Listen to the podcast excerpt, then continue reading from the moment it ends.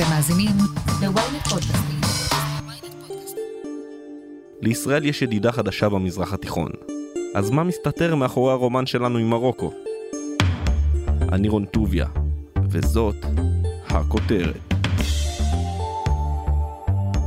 מרוקו רוצה להפוך מכלכלה מסורתית לכלכלה מודרנית, היא כבר עושה את זה, היא איפשהו ככה באמצע הדרך, והיא מאוד מאוד אה, צמאה לטכנולוגיות הישראליות בכל התחומים כמעט, אבל לא בכל מחיר.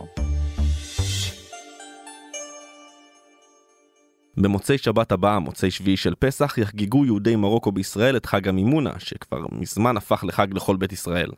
והקשר ההדוק הזה בינינו לבין מרוקו הפך עוד יותר חזק בשנה וחצי האחרונות מאז החתימה על הסכמי אברהם בין המדינות.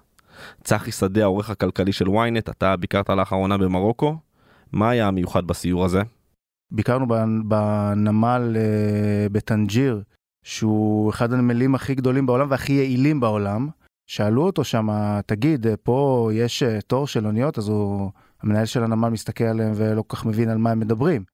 העובדים המרוקאים הם בשכר הרבה יותר נמוך ובתנאים הרבה פחות טובים מהעובדים בישראל. זה הרבה יותר קל לקדם עסקים כשאין דברים שמפריעים כמו אה, זכויות עובדים, אה, ארגוני עובדים. זה אחד היתרונות של מרוקו מבחינת עסקית, בוא נגיד ככה. צמוד לנמל הזה בטנג'יר יש אה, מפעל ענק של רנו. מפעל שיש בו 9,000 עובדים, שמייצר 60 מכוניות בשעה, והוא מייצר אותם לכל העולם בעצם. ברגע שאין אה, ארגון עובדים, יש שכר של עובדים שם, לא במפעל הזה, אבל בכלל באופן כללי הוא יכול להיות גם 400 דולר לחודש. זה הרבה יותר קל לעבוד בצורה הזאת. שאלתי את נשיא הפדרציה שם אם הוא לא פוחד שאנשי עסקים במרוקו יפחדו מפגיעה בעסקים הפנימיים שם במרוקו בגלל שיודעים שהם עושים עסקים עם ישראלים. זה היה ברקע של הפיגוע בבני ברק והפיגועים האחרים. והוא אומר שברגע שיבינו את התועלת שהישראלים יכולים לספק לתעשייה המרוקאית, אז גם ההתנגדות הזאת היא לא תהיה קיימת. אז מאיפה נולד הרומן חדש-ישן הזה? אז תראה, לפני חודש ביקרו בישראל ראשי פדרציית המעסיקים והעסקים של מרוקו, ובאו לפה עם 80 אנשי עסקים לארץ, ולאחר שבועיים בעצם אה, הראשי הארגונים העסקיים הגדולים בישראל, שזה התאחדות התעשיינים ו- ומכון הייצוא והתאחדות החקלאים ולשכות המסחר, אה, ביקרו במרוקו ונפגשו עם אה, אותם אנשים, עם התאחדות התעשיינים המרוקאית, היה מפגש מאוד רשמי שסוכר גם בתקשורת המרוקאית.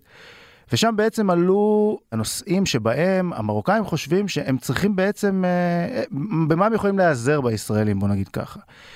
ומעבר לתחומים שהם ברורים, שזה החקלאות, ובין אם זה בנושא של אנרגיה, שכבר הייתה עסקה עם חברת אנרגיה בישראל מול המרוקאים, הם אומרים דבר אחד מאוד מעניין, לישראלים יש חוצפה. אנחנו צריכים את החוצפה הזאת כדי להתקדם קדימה. אם אנחנו לא לוקחים אותה כדבר רע וכמשהו שהוא קצת אה, אולי לוחץ ומעליב, אלא דווקא לוקחים אותו כדי לקדם את העסקים שלנו, כדי לחתוך את העניינים כמו שאנחנו פחות יודעים לעשות, אז זה היתרון הגדול שהישראלים יכולים להביא לנו, כמובן ברמה של הטכנולוגיה גם. צחי, אתה לא הישראלי היחיד שביקר לאחרונה במרוקו, לפניך היו שם שר החוץ יאיר לפיד. בסוף השבוע האחרון סיכמתי עם שר החוץ של מרוקו, נאסר בוריטה, על ביקור רשמי ראשון של שר חוץ ישראלי במרוקו. במסגרת חידוש היחסים... שרת הכלכלה אורנה ברביבאי חתמה עם מקבילה המרוקאי על הסכם סחר בשווי 500 מיליון דולר בתוך חמש שנים, וגם שר הביטחון בני גרנט סגר עם המרוקאים עסקת נשק. אז אפשר להגיד באופן רשמי, השוק המרוקאי נפתח עבור ישראל. זה נכון, והעסקאות האלה שאגב, בביקור של uh, שר הביטחון uh, גנץ, uh, היו דיווחים על, ה, על העסקאות האלה. המרוקאים ברור שאחד האינטרסים שלהם זה עסקאות נשק ותעשיות ביטחוניות. זה כבר היום יש עסקאות שהן לדעתי הן בוודאי מהוות את החלק העיקרי בסחר עדיין. והכוונה ב-500 מיליון דולר זה מלבד העסקאות האלה. זאת אומרת רק בעסקאות אזרחיות שלא קשורות בכלל לעסקאות נשק ולא לתעשיות ביטחוניות. אז uh, הרבה אופציות יש כאן וצחי שדה תודה רבה לך. תודה רבה. לפני שנבין איך נולד הרומן הזה ולמה נאמר שלום לליעד אוסמו, כתבנו לענייני העולם הערבי, שספר לנו קצת על מרוקו. אז מרוקו היא בעצם מדינה צפון אפריקאית, אה, גובלת בים התיכון, ממערב גם באוקיינוס האטלנטי. היא בעלת מיקום אסטרטגי ביותר, היא משקיפה על מיצרי גיברלטר.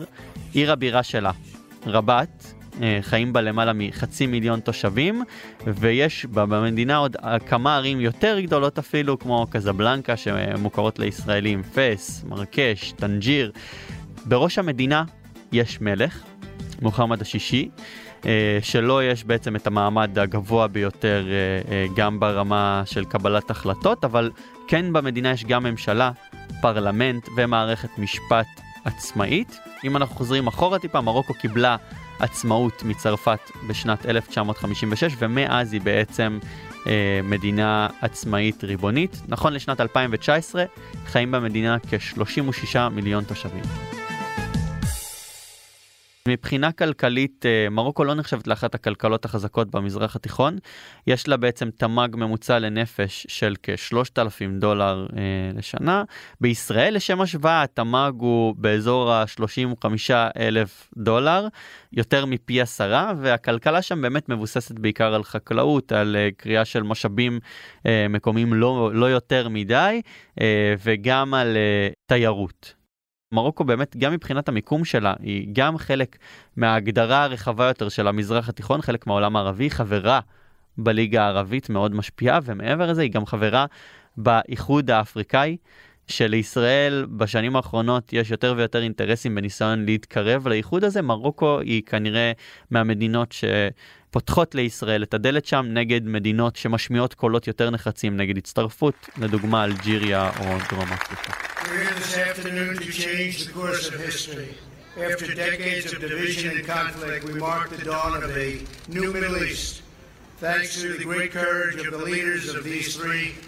Countries, והדלת נפתחה שוב בפעם השנייה בדצמבר 2020, כשמרוקו הייתה למדינה הרביעית שהצטרפה לאיחוד האמירויות, בחריין וסודאן, וחתמה על הסכם הנורמליזציה עם ישראל הידוע בשם הסכמי אברהם. בהתחלה נחתם הסכם של כינון יחסים ברמה מסוימת, עדיין לא מדברים על פתיחת שגרירויות אלא על נציגויות דיפלומטיות.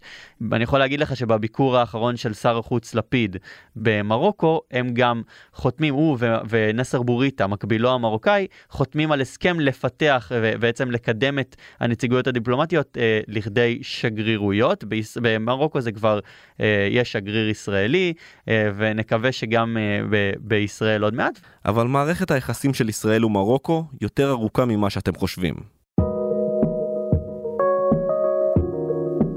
מערכת היחסים התחילה, אם אפשר להגיד, עוד עם הקמת מדינת ישראל, אבל שם מרוקו הציגה עמדה מאוד מאוד נוקשה נגד ישראל, ביקורתית מאוד, הייתה מהמדינות הערביות היותר תקיפות אה, בעמדתה נגד הקמת ישראל, אה, אבל אה, לאורך השנים אנחנו בעצם מדברים על איזשהו שינוי אה, במדיניות.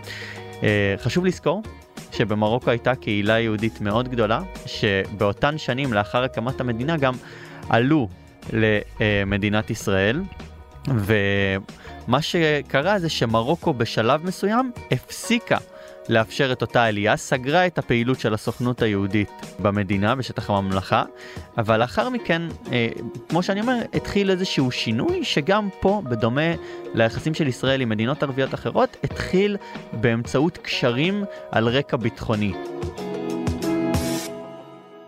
כל מיני גורמים ביטחוניים, אה, אה, אה, המוסד וכולי, שבעצם יצרו קשרים עם המקבילים שלהם במרוקו, התחילו איזה שהם העברות מודיעין, ומשם כבר זה התגבש לכדי פגישות בין אה, גורמים בכירים, פוליטיקאים, ישראל, אה, לגישושים עם בית המלוכה במרוקו, והיחסים לאט לאט נבנו התגבשו עד שבשנת 1986 מבקר במדינה ראש ממשלת ישראל בפעם הראשונה אז שמעון פרס ונפגש עם המלך חסן השני. וממש כמו הסכמי אברהם בהם מרוקו הייתה המדינה הרביעית להצטרף, גם בזמן הסכמי אוסלו היא לא הייתה המדינה הראשונה ליצור קשרים דיפלומטיים עם ישראל.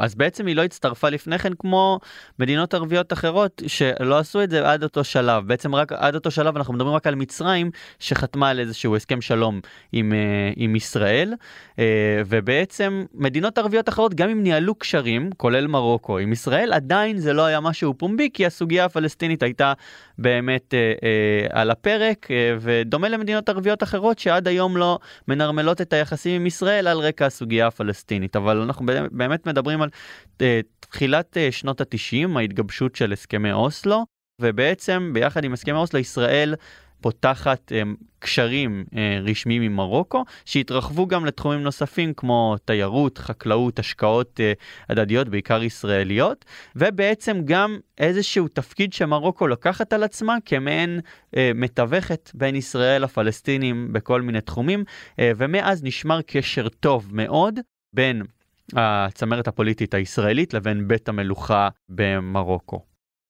ובעצם עם פרוץ אה, אירועי האינתיפאדה השנייה המשמעותיים אה, שכולנו זוכרים, מרוקו מנתקת את היחסים שלה עם ישראל. כל אותם שגרירויות, נציגויות דיפלומטיות שהיו, נציגים מוחזרים, אבל בפועל כן נשמר ציר מול ישראל, ולמרות ניתוק היחסים, תיירים ישראלים עדיין יכולים להמשיך להגיע אה, למרוקו. מרוקו בין היעדים היחידים שגם שאין יחסים רשמיים בעצם בין שתי המדינות עד החתימה על אה, הסכם הנורמליזציה אה, לאחרונה. תיירים ישראלים עדיין יכלו להגיע לשם, לא בטיסות ישירות אמנם, דרך אה, מדינה שלישית, אבל יחסים גם בין העמים עדיין נמשכים, וגם ברמה המדינית-ביטחונית הצירים נשמרים לכל אורך הדרך.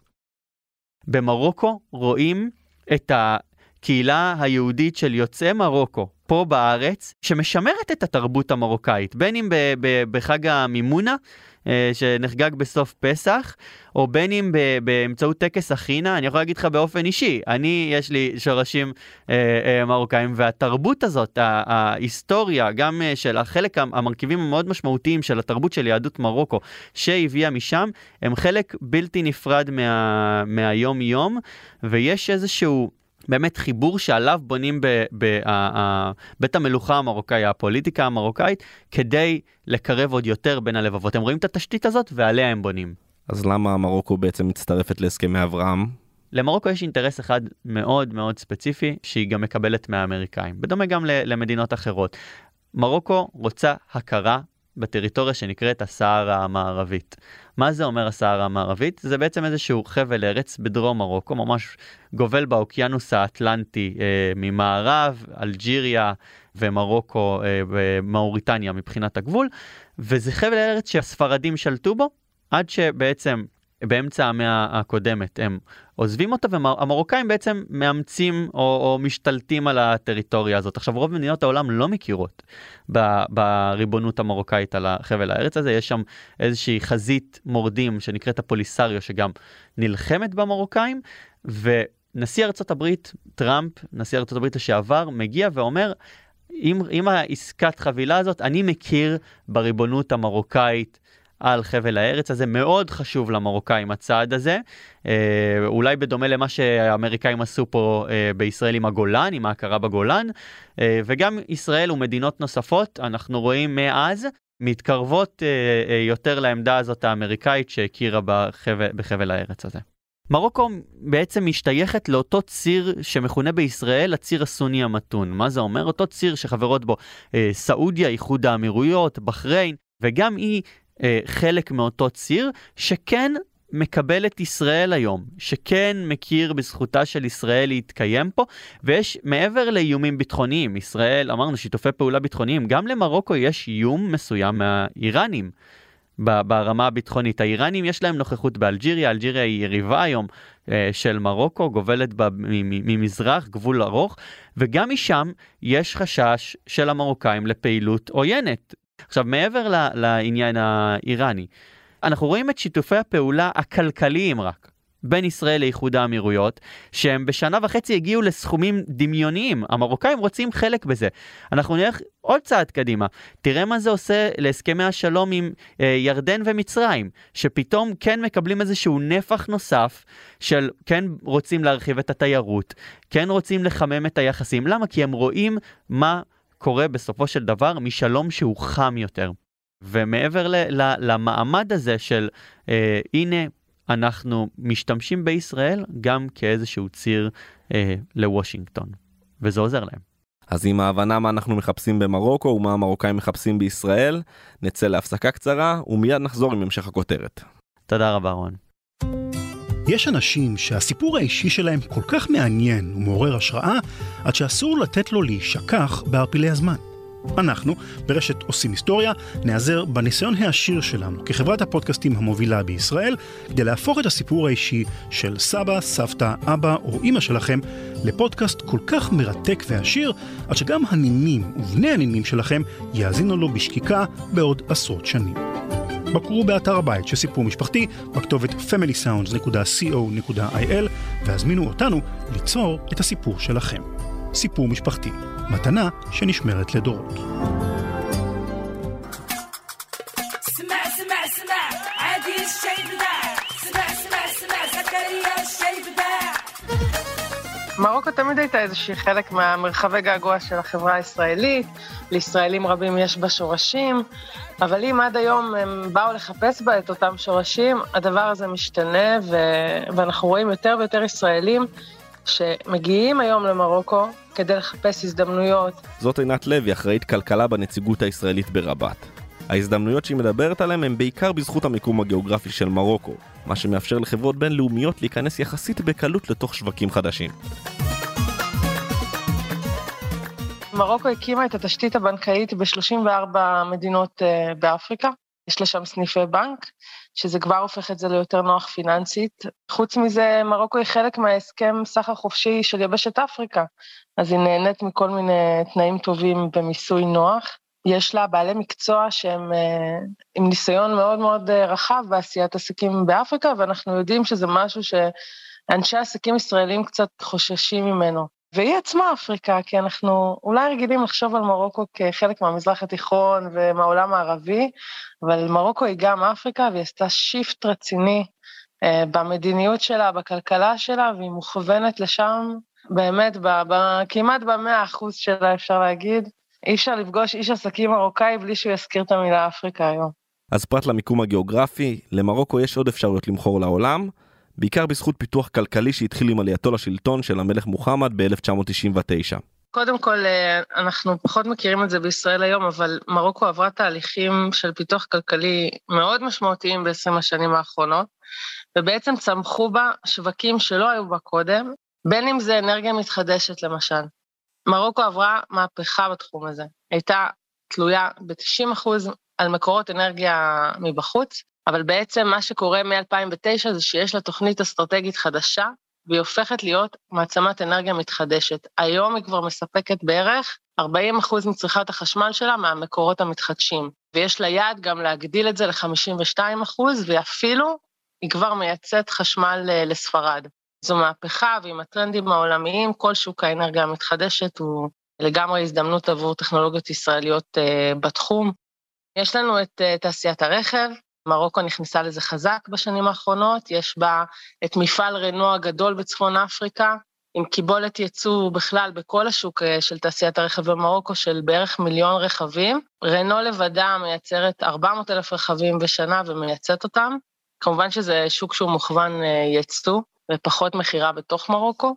אמ, כל הנושא של מים, מים זה נושא שמדיר שינה מעיניו של שר הפנים במרוקו, ככה אומרים כולם פה, כי באמת שאם זה במי שתייה שלפעמים חסרים באזורים הפריפריאליים, אה, ואם זה בעיקר הצורך במים לחקלאות המרוקאית.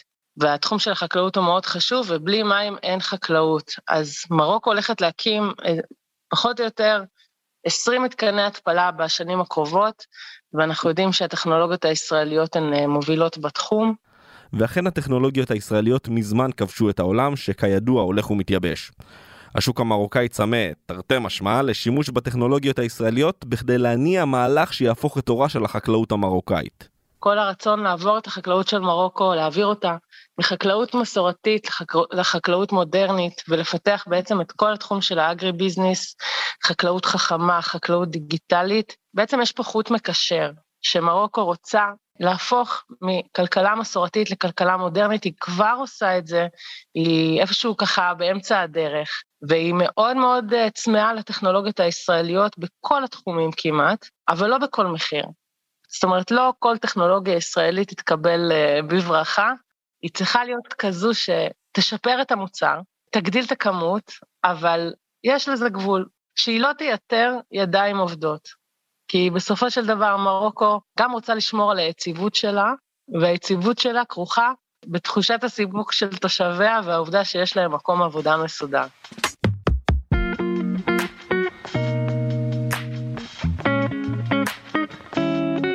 כוח העבודה המרוקאי הוא זול. משכורת חודשית במדינה נאמדת בכ-4,500 דירם, משהו כמו 1,500 שקל. המשכורות הנמוכות, כוח העבודה היעיל ומצבורי הפוספטים בדרום המדינה הם מה שהופך למכפיל כוח בהפיכתה ליצואנית, בעיקר בעבור מדינות אירופה שנמצאות מעבר לים, בעיקר ספרד וצרפת. זה נכון, וזו אחת הסיבות שהיא באמת אה, פלטפורמה מאוד נוחה להקמת מפעלים. יש לה גם קמפיין גדול ב, בימים האלה שנקרא Made in Morocco. אה, רוצה גם להקטין את היבוא שלה ובעצם למשוך תעשיות מהעולם אליה, שהן מוכוונות ייצוא, בזכות בין היתר גם uh, היכולת להעסיק uh, עובדים יחסית בעלויות נמוכות, וגם עובדים שהם מיומנים. יש תוכניות במרוקו להכשרה של העובדים האלה גם תוך כדי תנועה, בתוך המפעלים, עם סבסוד מרוקאי, וככה מרוקו בעצם לומדת את התעשיות האלה, שהרבה פעמים הן תעשיות חדשות בשטחה, ומגבשת לעצמה את ה-know-how שלה, את היכולות שלה, גם לעשות את זה בעצמה אחר כך. מרוקו כאמור הייתה המדינה הרביעית שהצטרפה להסכמי אברהם בין ישראל למדינות ערב שהפשירו את היחסים שקפאו בשנת 2000. מאז החלו כבר טיסות ישירות בין תל אביב לרבת, ורק לאחרונה נחתם הסכם מסגרת כלכלי בין המדינות שמאפשר סחר ישיר אחרי הסרה של כמה חסמים. אני אתן רק דוגמה אחת, זה ישראל לא הופיעה במכס המרוקאי, אי אפשר היה לבחור אותה כשדה בחירה של uh, סחורת המקור. וכמובן שזה כבר שונה, ולכן הסחר פתוח, וזה לא מספיק, סחר אה, פתוח, אנחנו בעצם עובדים בימים האלה בשביל אה, להפוך אותו גם לאטרקטיבי ונוח יותר בשביל אה, אנשי עסקים בחברות ישראליות. הסחורה הראשונה שהגיעה מישראל למרוקו באופן סימבולי זה ערק. כי מי שהיה מייצר את הערק במרוקו זה, או המאחיה, איך שהיא נקראת במרוקו, אה, זה יהודים, וכשיהודים עזבו את מרוקו, אז בעצם גם הערק עזב אותם. ملتزمون ملتزمون بتكثيف الجهود باش نكونوا ان شاء الله في مستوى هذه الثقه اللي داتوا فينا בספטמבר האחרון נפל דבר במרוקו. המפלגה האסלאמיסטית המרוקאית, מפלגת הצדק והפיתוח ששלטה במדינה מאז 2011, נחלה תבוסה מוחצת בבחירות והתרסקה מ-125 מושבים בפרלמנט ל-12 בלבד.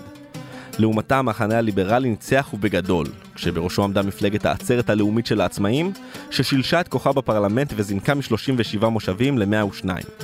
ויותר מכך, שלוש מפלגות שמאל עשו היסטוריה והקימו ממשלה חדשה.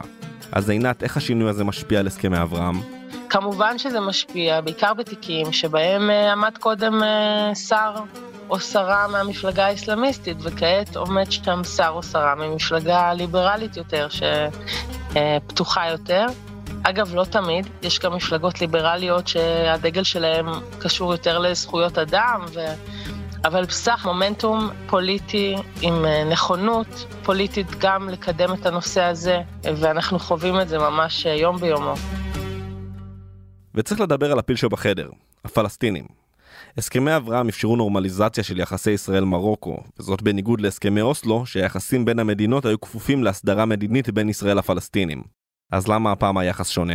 קודם כל, הנושא הפלסטיני הוא כן בליבם של המרוקאים. הם כן היו רוצים שהוא ייפתר, ואי אפשר לנתק את זה מתפיסת עולמם. אבל התקשורת המרוקאית היא פחות עוסקת בנושאים האלה. אני חייבת להגיד שאני חווה את זה כבר לא, לא פעם ראשונה, כי הייתי פה גם ב, ברמדאן הקודם. מתי זה כן הופך להיות חלק מסדר היום כאן? כשיש הפגנות. כשיש הפגנות, אז מסקרים את ההפגנות שקורות במרוקו בעקבות המצב אה, אה, אצלנו. אני אמנם מאוד אוהבת את מרוקו, ואת ה, ו, ויש לי, ויש כאלה שיאשימו אותי באיזו ככה אופוריה, ו, אבל אני כל הזמן מזכירה לעצמי שבשנות ה-90 זה לא היה לנצח.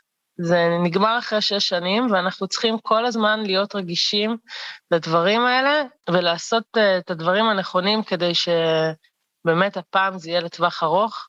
ואני חושבת שאנחנו באמת גם במצב אחר. כמו שאמרתי על הקשרים האזרחיים, אנחנו באיזושהי בשלות אחרת, ו- ואני מאמינה בה. אז מה ישראל מחפשת במרוקו הבנו, אבל מה היעדים שלנו שם? אני חושבת שזו שאלה מעניינת, כי, כי אנחנו עדיין אה, בעצם אה, עוסקים בה בכלל, לשאול את עצמנו, מהמקום שלנו, מה היעדים. זו לא שאלה שכל התשובות עליה כרגע ברורות, כי זו שאלה שצריך לברר אותה גם עם הרבה, עם הרבה חלקים בפאזל הזה. עם המרוקאים, תוך כדי הפגישות איתם, עם, ה, עם משרדי הממשלה השונים בישראל, שכל אחד מהם מגבש את התפיסה שלו לגבי מרוקו. חוץ מזה, אנחנו חייבים לעבוד על המשך הנחת התשתיות, כדי שהיעד בסופו של דבר יהיה שכל חברה או עסק שרוצים לפעול במרוקו או בישראל באופן ישיר ביניהם, יוכלו לעשות זאת. שבאמת uh, הכל יעבור במכס כמו שצריך, שיהיה מנגנון uh, להסרת חסמים. כל הדברים האלה זה דברים שצריך לבנות אותם, וזה לא ביום אחד, אבל אנחנו בעיצומו של התהליך. אז יש פה באמת יכולת לייצר uh, משהו אחר. עינת לוי, אחראית כלכלה בנציגות הישראלית ברבת, תודה רבה לך. תודה לכם. נתראה במרוקו. עד כאן הכותרת להפעם. אתם מוזמנים לעקוב אחרינו בוויינט או איפה שאתם שומעים את הפודקאסטים שלכם. אם זה קורה בספוטיפיי או ב Apple Podcasts אתם גם מוזמנים לדרג אותנו ולהאזין לפרק נוסף שלנו שעלה בתחילת השבוע בעקבות הפיגוע בתל אביב. חפשו דיזינגוף, טרור ברחוב הכי איקוני בישראל. כתבו לנו מה דעתכם על הפרק בקבוצת הפייסבוק, פודקאסט להמונים או אצלי בטוויטר, וכמובן אל תשכחו לשלוח את הפרק לחבר שעדיין לא שמע את הכותרת של היום. את הפרק ערכתי ביחד עם גיא סלם, על הסאונד ניסו עזרן, עטילה שומפלבי וסיון חילאי גם הם חברים בצוות הכותרת. מחר המעיין רודט יהיה כאן עם פרק מגזין על החיים שאחרי הקורונה, ואני רון טוביה. נשתמע בפעם הבאה.